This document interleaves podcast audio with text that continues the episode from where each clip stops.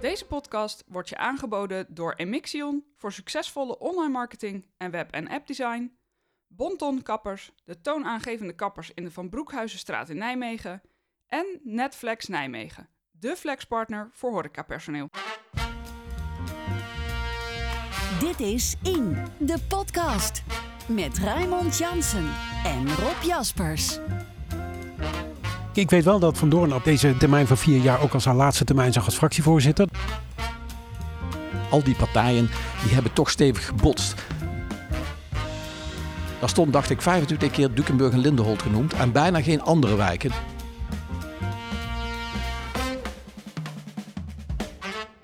De PvdA haalt op andere plekken stemmen dan bijvoorbeeld eh, eh, GroenLinks. De coalitie had de mond vol over samenwerken, samenwerken met de raad. Dat bleek gisteren ook niet echt. Hè? Hij, kreeg eigenlijk alleen steun van zijn eigen fractie. Mijn gast van deze week is oud-journalist Rob Jaspers. Ik ben Raymond Jansen en vanuit Brasserie Mannen in Nijmegen is dit jaargang 2, aflevering 65 van In de Podcast. Ja Rob, welkom terug in de podcast. Straks meer over het lokale nieuws, maar eerst in de podcast wordt mede mogelijk gemaakt door schenkingen en donaties van luisteraars. Deze mensen die helpen ons met een financiële bijdrage. Wil jij dat nou ook? Ga dan eens naar www.indepodcast.nl slash. Dan word je daar vriend van de show. Goed, Rob, dat gezegd hebbende, wat viel jou op de afgelopen week in het lokale nieuws? Woensdagavond was natuurlijk de, de coalitie die aantrad Ja. na drie maanden praten. Hè? Ja, ruim. En Ja. ru- ruim drie maanden Ja. praten. Dat is toch heel bijzonder. Normaal zaten die, de nieuwe wetten eigenlijk, eigenlijk die zaten er al. Nu starten ze eigenlijk aan het begin van de zomer. Dus die zomervakantie kunnen die nieuwe wethouders wel vergeten. Jij had het over tegenover mij. Je zei nieuwbouwflats in de Waalsprong onder meer. Daar, daar wordt het heel warm, heb ik gehoord. ja, het is nu weer warm. Kijk, eh, in, in de Aron, in, in het Hof van Holland, heeft Thales een nieuwbouwflat neergezet. Jongeren en ouderen mixen. En daar is het snikheet bovenin. En Ja. hetzelfde zie je in Groesbeek bij een nieuwbouwflat. En ik verbaas me daar enorm over. Omdat je toch denkt van jongens, hittestresskaarten, die zijn er. We weten dat het warmer wordt. Dan moet je, zeker bij nieuwbouw, moet je daar toch in preventieoogpunt moet je daar eigenlijk vooraf al maatregelen nemen. Dus ik hoop toch dat de bouwers daar lessen uit trekken. En misschien ook wel een gemeente bij bouwplannen daar nadrukkelijker naar gaat kijken. En bijvoorbeeld nog zo'n heel klein fenomeentje. We gaan veel meer bomen planten. Dat is heel mooi. Maar ik waarschuw ook tegelijkertijd voor. Denk wel na hoe je die bomen plant. Want we krijgen steeds meer daken met zonnepanelen. Ja. Zorg niet dat mensen denken: hé, hey, ik zit nu wel snor met die zonnepanelen. Dat ze over tien jaar, als een boom gegroeid is, vervolgens de schaduw van die boom krijgen. Dus ook daar verg je van God: denk na over de nieuwe tijden. Hoe je bomen plant, hoe je woningen inricht, waar je schaduw maakt enzovoort. Ja, en wat afgelopen week ook al een paar keer speelde, je zag het voorbij komen op social media. De lift op het station is kapot. En eh, onder meer Jasmijn van de Ploeg, zij werkt voor de provincie Gelderland in Arnhem. Ja, die heeft daar last van. Zij zit in een rolstoel en ze kan eigenlijk niet fatsoenlijk naar de werk. Ja, nee, het- ik vind dat dramatisch. Met name ook omdat uitgelegd wordt. Het is niet de gemeente die verantwoordelijk is. Nee. Het is ProRail en de NS die verantwoordelijk zijn. Maar het gaat maanden duren. Ja. En dan denk ik, jongens, in welke wereld zitten wij? En, en ja, mij herinnert er bijna aan, de lift. De, de materialen komen misschien van ver. Dat, dat duurt lang. Eh, De productie is vertraagd. Ik, ik moest laatst op mijn fiets voor mijn derailleur moest ik een, een nieuw wieltje hebben. Heb Ja. ik zeven maanden op moeten wachten. De, de wereld is wel gek aan het worden. Maar het wordt misschien wel een heel makkelijk excuus hè, om dingen niet te kunnen leveren. Te zeggen van ja, we hebben toeleveringsproblemen, dat komt door dit en dat komt door dat. We hebben oorlog, we hebben energie. eh, eh, Ja, ik, ik vind het inderdaad iets, te- iets te makkelijk. Mensen moeten zich realiseren, wij moeten naar andere oplossingen om ook het spoor toegankelijk houden. Je kunt niet zomaar zeggen van dan maar drie maanden eh, allerlei mensen die niet kunnen reizen. Want het is niet alleen die rolstoelpersoon. Nee, het zijn ook ouderen die slechter been Ja. zijn. Of mensen die met een zwaar koffer komen. Of eh, mensen die met een fiets uit de trein komen. Hoe moeten die? Dat, dat, Ja, want deze mevrouw die, gaat, die moet eigenlijk nu vanaf Nijmegen eerst naar station Goffert. En daar kan ze dan overstappen en dan kan ze alsnog eh zonder gebruik te maken van de lift in Arnhem aankomen. Ja, ja, ik vind het armoe en eh, slecht. En ik zeg altijd, een ongelukje komt nooit alleen. Dus je hebt dat hier in Nijmegen. Ik, ik heb niet heel Nederland eh, bekeken met de stations. Dit zal op meer plekken zijn. Dus er is gewoon werk aan de winkel voor ProRail en NS. En ook een overheid moet ja, eigenlijk gewoon eisen. Het moet toegankelijk zijn. Over werkende winkel gesproken. eh, Leden van GroenLinks en de Partij van de Arbeid die zijn in toenemende mate enthousiast over samenwerking, verregaande samenwerking. Dat speelt in Den Haag. Dat gaat natuurlijk straks ook spelen volgend jaar als de provinciale statenverkiezingen weer worden gehouden. Ik ben wel eens benieuwd hoe zij dat gaat doen.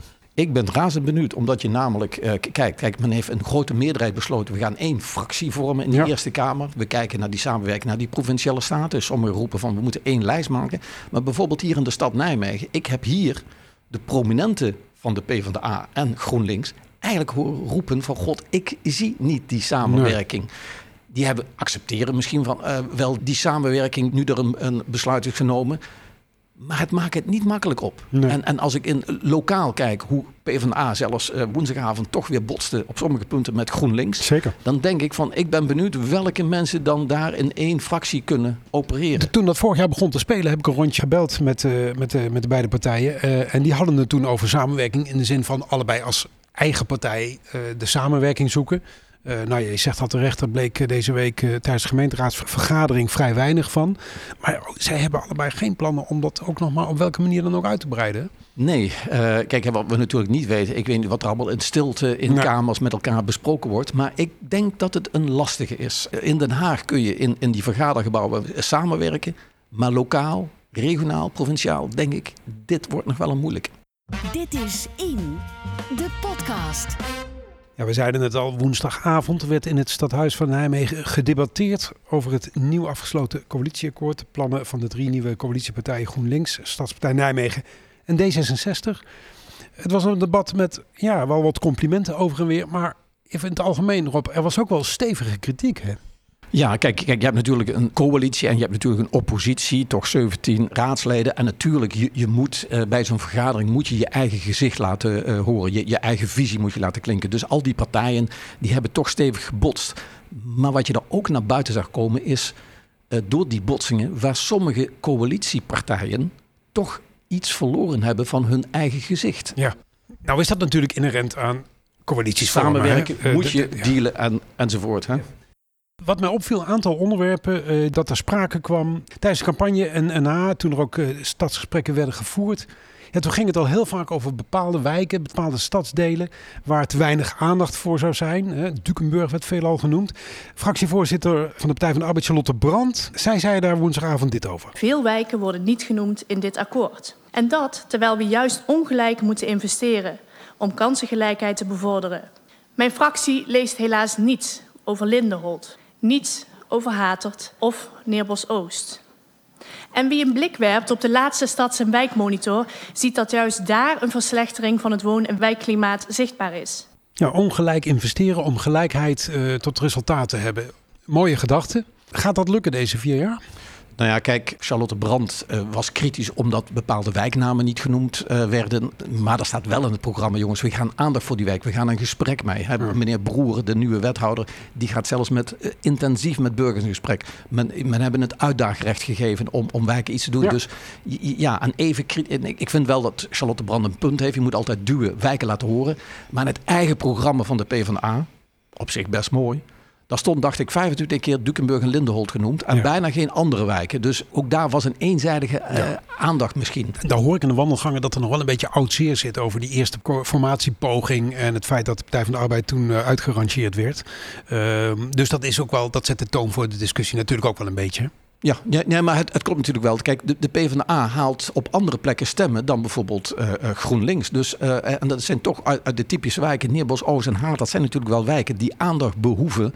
Overigens moet je het niet dramatisch maken. Want ook in Neerbos en Haat, dat zijn fantastische woonplekken hoor. Maar daar zitten wel mensen die soms inderdaad aan de onderkant zitten. En die moet je steunen. Ja, nou ja, dat behoeft aandacht. Vind jij dat dat voldoende uit de plannen van de coalitie uh, naar voren komt? Als je het hebt over de aandacht voor uh, armoede, vind ik dat uh, deze coalitie een plus zet bovenop wat het de coalitie eigenlijk in het verleden deed. ik, ik vind armoede vind ik top wat ze doen. Maar één waarschuwing heb ik daarbij. Als je armoedebeleid maakt, het is niet alleen de onderkant, de echte armen, maar het zijn ook de, de, de mensen met meer geld. En wat heel belangrijk is, Stel je open in je hoofd van waar die mensen mee zitten. Ja. Maak de regels simpeler, uh, uh, eenvoudiger. Vorige week sprak ik natuurlijk met Linda van Aken van de Vincentiusvereniging. Zij benadrukte dat ook. Uh, jij bent bij die avond geweest. Misschien wel aardig om heel even op terug te blikken. Um, het is, het is, de verhalen die je daar hoort zijn ook schrijnend, hè? Ik vond heel veel verhalen zeer schrijnend. En met name soms te horen hoe er onbegrip was in het stadhuis. Degene die de regeling maken voor degene die in, in de penarie zit. En ik zeg van, God, maak je los uit jou- jouw dure omgeving. Kruip in het hoofd van die ander en leer eh, hoe je kan helpen. Waar bleek dat onbegrip uit? Nou, botheid. Zelfs een opmerking van, van God, u heeft drie kinderen. Van, ha- had dat niet, of u heeft een hond. eh, eh, eh, of waarom kunt u dat niet zelf betalen? Hè? Soms hebben mensen op zich een goede baan. Maar zitten ze in crisis door schulden. En dan vraagt een school, ik noem maar wat, 220 euro voor een weekend met de kinderen ergens heen gaan naar Terschelling. En dat kunnen die ouders niet betalen. En die willen ook niet aan die school Nee. kenbaar maken in welke ellende zij Dus jij zegt iets meer empathie, dat zou, eh, zou op zijn plek zijn. Empathie, verplaats je in die ander die die schuld heeft. Aanpakken van de woningnood is natuurlijk ook een van de grote opdrachten voor het college voor de aankomende vier jaar. Hans van Hoofd die, eh, kwam gisteren met een voorstel om eh, vooral de- het aantal sociale woningen om dat te verhogen. Hij zei daar gisteren het volgende over. Gaat u op uw eigen ingeslagen weg verder, dan kan ik u één ding voorspellen: dat de woningnood over vier jaar in Nijmegen niet kleiner is geworden, maar groter is geworden. En daar bent u voor verantwoordelijk. Dit is de D66-agenda en blijkbaar ook de Stadspartij-agenda. Dat snap ik. Maar dat dit de GroenLinks-agenda is, ik vind het een aanfluiting. Nou ja, dat voorstel van Van Hoofd heeft het niet gehaald. Eh, Nee, nee, zelfs om even aan te geven, want dat was een fenomeen wat vaker voorkomt. Hij, hij kreeg eigenlijk alleen steun van zijn eigen fractie, dus de ingekrompen fractie van drie leden. Dus de anderen namen het ook in de raad niet over. En dat viel vaker op hoor. Ja, hè? Dat eh, alle partijen wel hun eigen verhaal hielden, hun eigen visie neerzetten, maar als ze iets indienden, het eigenlijk nooit een gezamenlijke oppositie was die iets steunde. Nou ja, de oppositie lijkt verdeeld. Aan de ene kant heb je VVD, CDA, eh, gewoon Nijmegen.nu.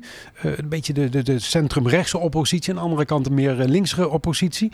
Die hebben de handen inderdaad nog niet ineengeslagen. Nee, nee, misschien was het wel niet die avond daarvoor. Kan. Want hij, je moet wel je gezicht laten zien van wie, wie ben ik tegenover die coalitie. Dus, maar ik heb de vorige keer wel eens gezegd, het coalitieakkoord is enerzijds zo weinig gedetailleerd... dat eigenlijk enorme kansen zijn voor de raad om erop in te spelen. En Ja. de coalitie soms stevig te plagen om andere besluiten te nemen. Ja, en toch, hè, want de coalitie had de mond vol over samenwerken, samenwerken met de raad. eh, dat bleek gisteren ook niet echt, hè?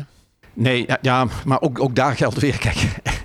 Gisteravond is niet de avond van eh, Ja, zo of- gaat het de komende vier juist jaar. wel, want daar we wel wezen, er ligt, eh, wat voor ligt is het akkoord waar de aankomende vier jaar, waar ze het de aankomende vier jaar mee moeten doen. Dus als je substantiële wijzigingen wilt eh, realiseren op zo'n akkoord, dan had het woensdagavond moeten gebeuren. Had het woensdagavond moeten gebeuren. Het, het, ja, misschien, ik denk toch dat het een beetje ervoor. Kijk, daar staat bijvoorbeeld in, ik dacht 21 miljoen euro voor investeren in, in, in betere wegen Ja. enzovoort. Eh, voorzieningen voor de fietser, ook knelpunten oplossen, bereikbaarheid beter. Maar, maar het is niet concreet ingevuld.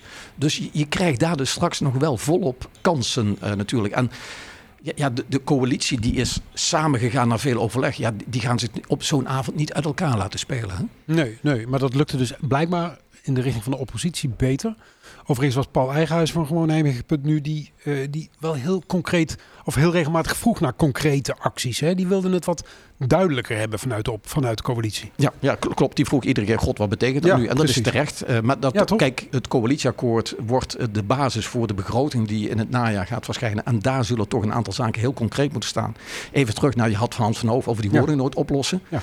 Ja, ik, ik, ik ben inderdaad he- heel cynisch. Gaan we die woningnood oplossen? Hans van Hoof wil meer sociale woningen. Maar ik ben zelf angstig over halen we wel die, die, die aantallen die voortdurend geroepen wordt. Eh, zoveel woningen voor eh, 2025, zoveel woningen voor Ja, hij, 2030. wilde, hij wilde het eerste jaar al duizend eh, gerealiseerd hebben. Ja, ik zie voortdurend overal vertraging. Hè. We komen straks terug op met als Zwanen. Oh ja. Eh, de, de, de zoveelste keer eh, uitstel.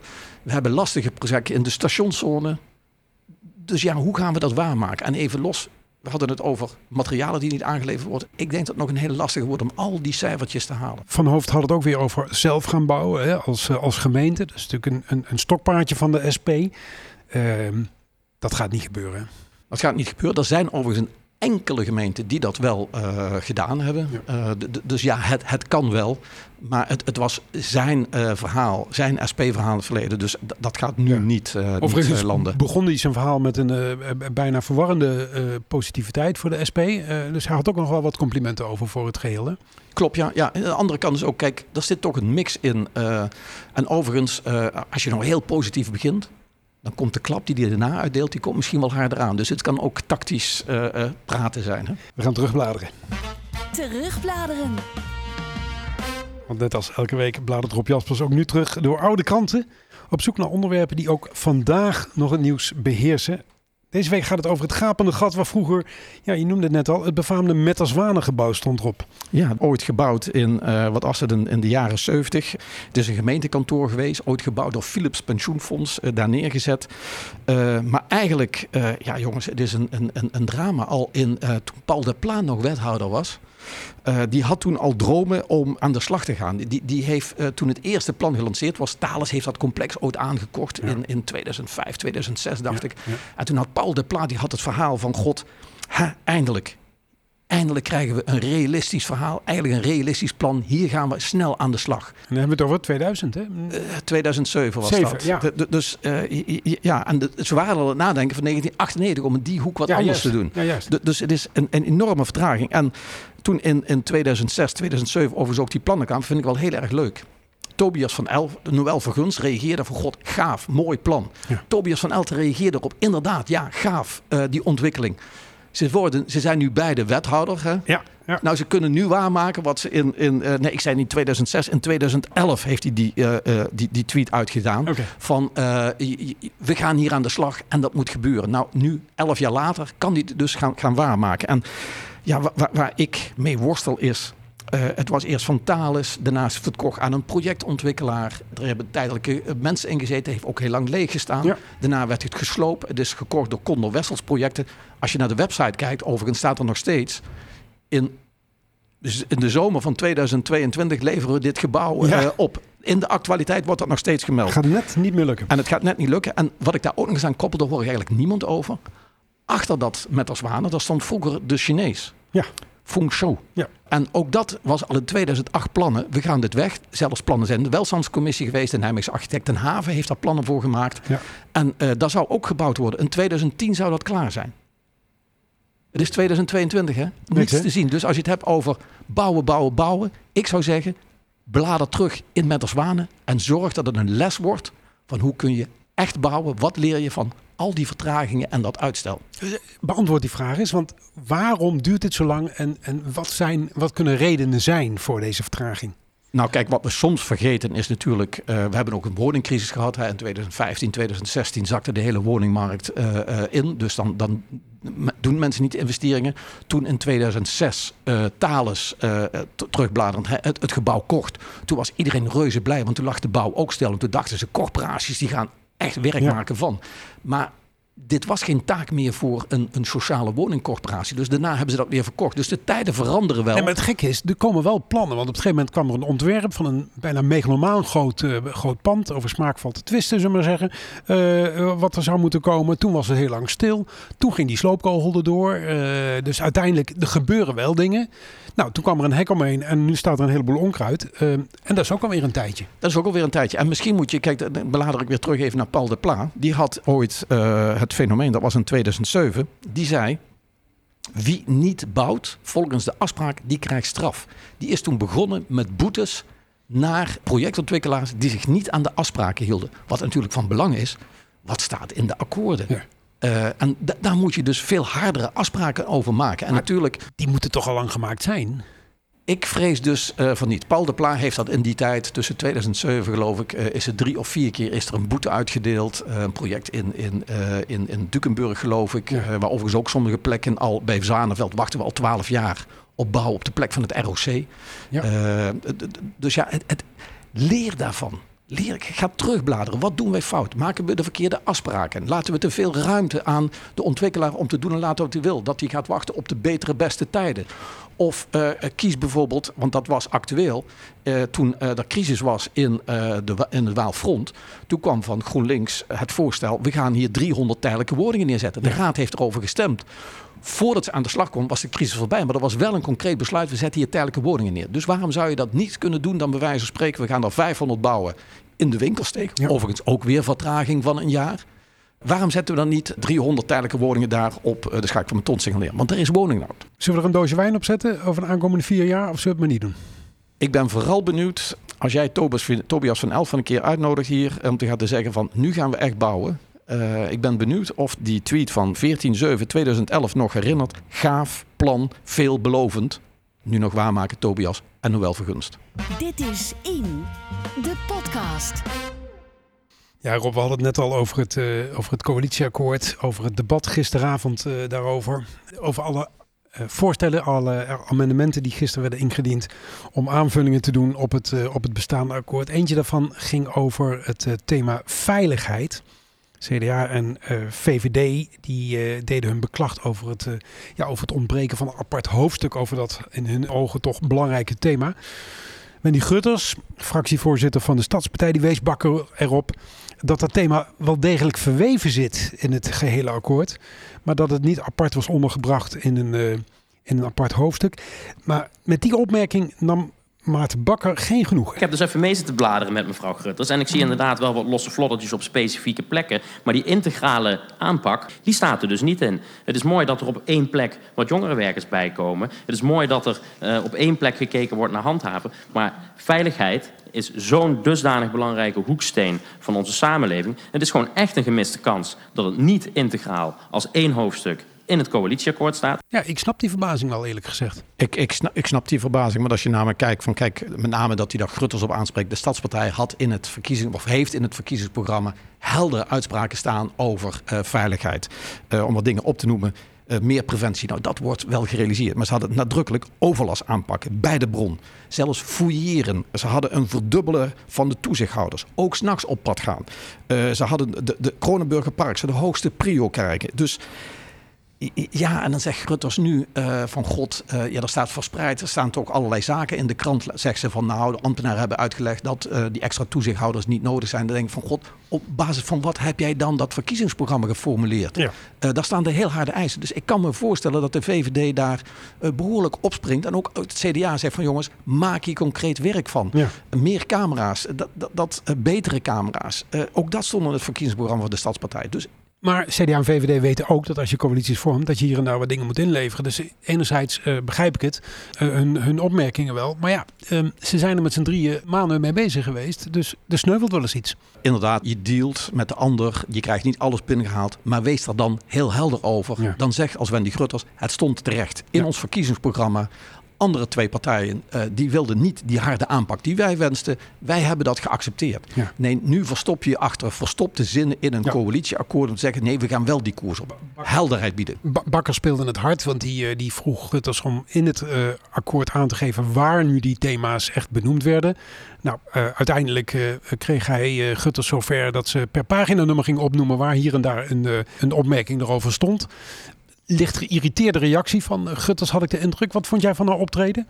Nou, ik vond het wel knap dat ze heel snel die pagina's kon vinden. Ja. Dus, want ze zei, dat gaat me eerst een half uur kosten. Dus het klopt, er staan zinnen, maar het zijn te vage zinnen. De mens in de stad wil herkenbaar zien waar doen we wat. En Kronenburgerpark, Evensplein is een prioriteitsplek.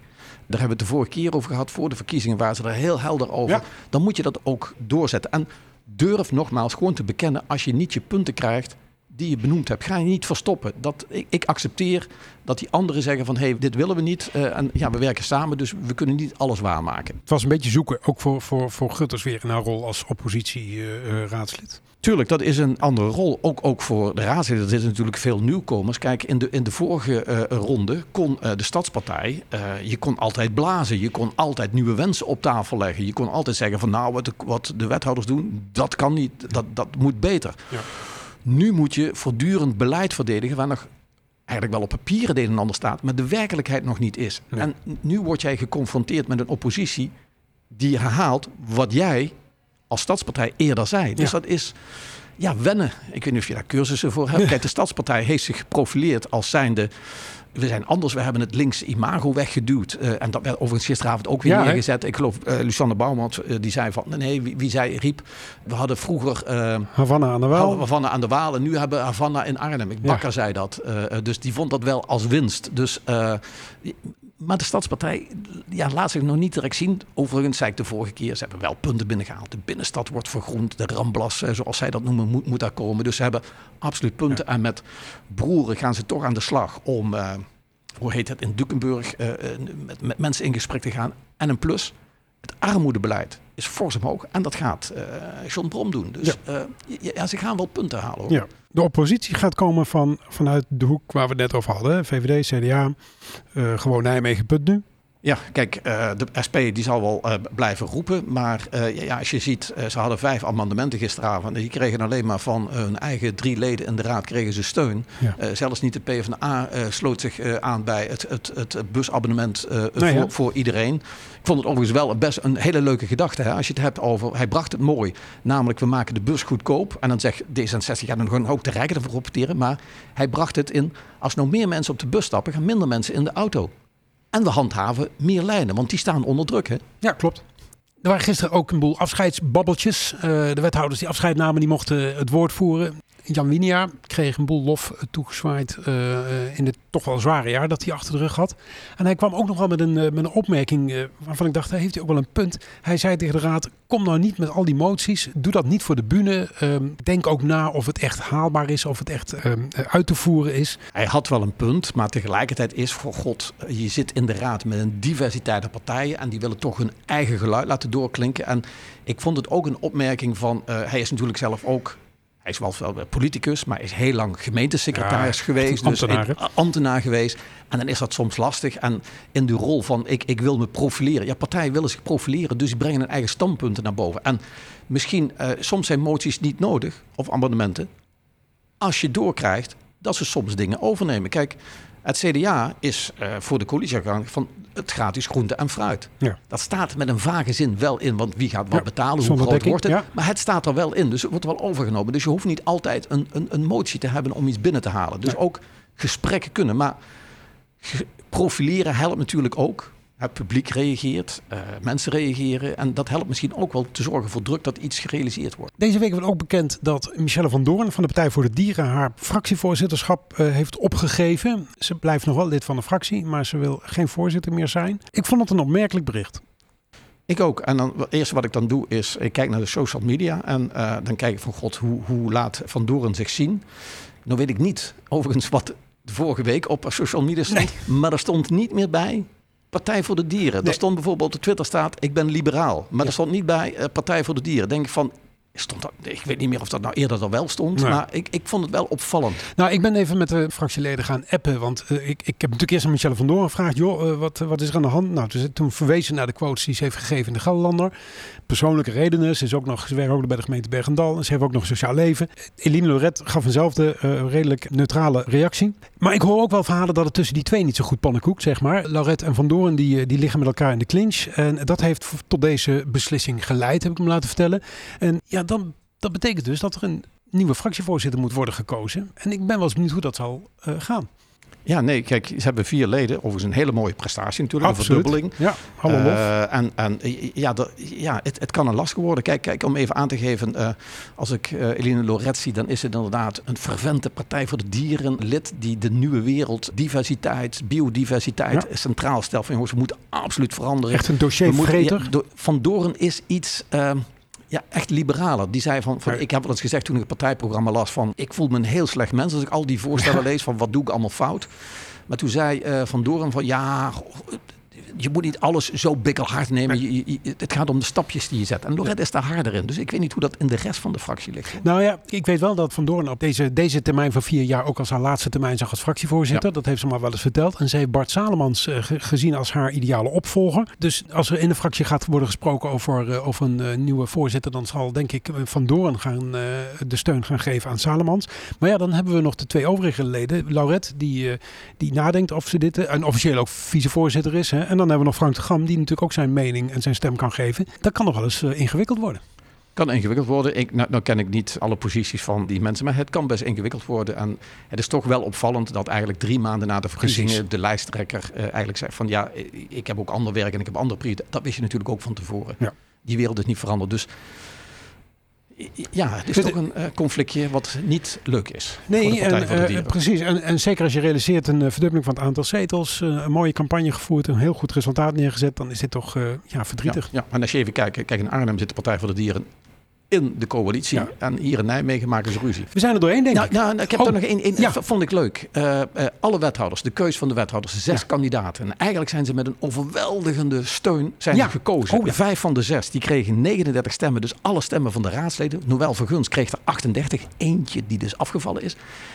En het is toch heel bijzonder. Ik heb nog wel eens teruggebladerd. De unanieme steun is echt vrijwel uniek in Nijmegen. En bijvoorbeeld in 2010, om even aan te geven, Jan van der Meer. Die werd toen wethouder. Die kreeg maar 24 stemmen. Van de 39, hè? Hannie, Hannie Kunst, 33. Ja. En Floris Tas, GroenLinks, 33. Bert Jene van D66, 28.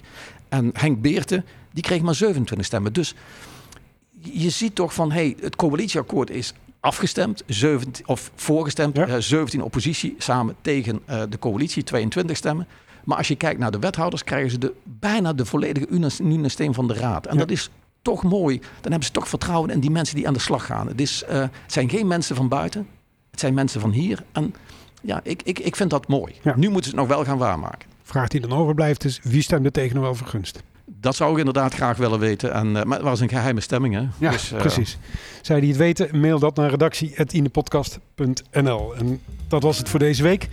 Kun je er niet genoeg van krijgen? Wil je nog meer lezen over de Nijmeegse politiek? Ga dan naar inepodcast.nl slash mailing. Geef je daarop. Stuur ik je elke week een mail met alles wat je niet hoorde in de podcast.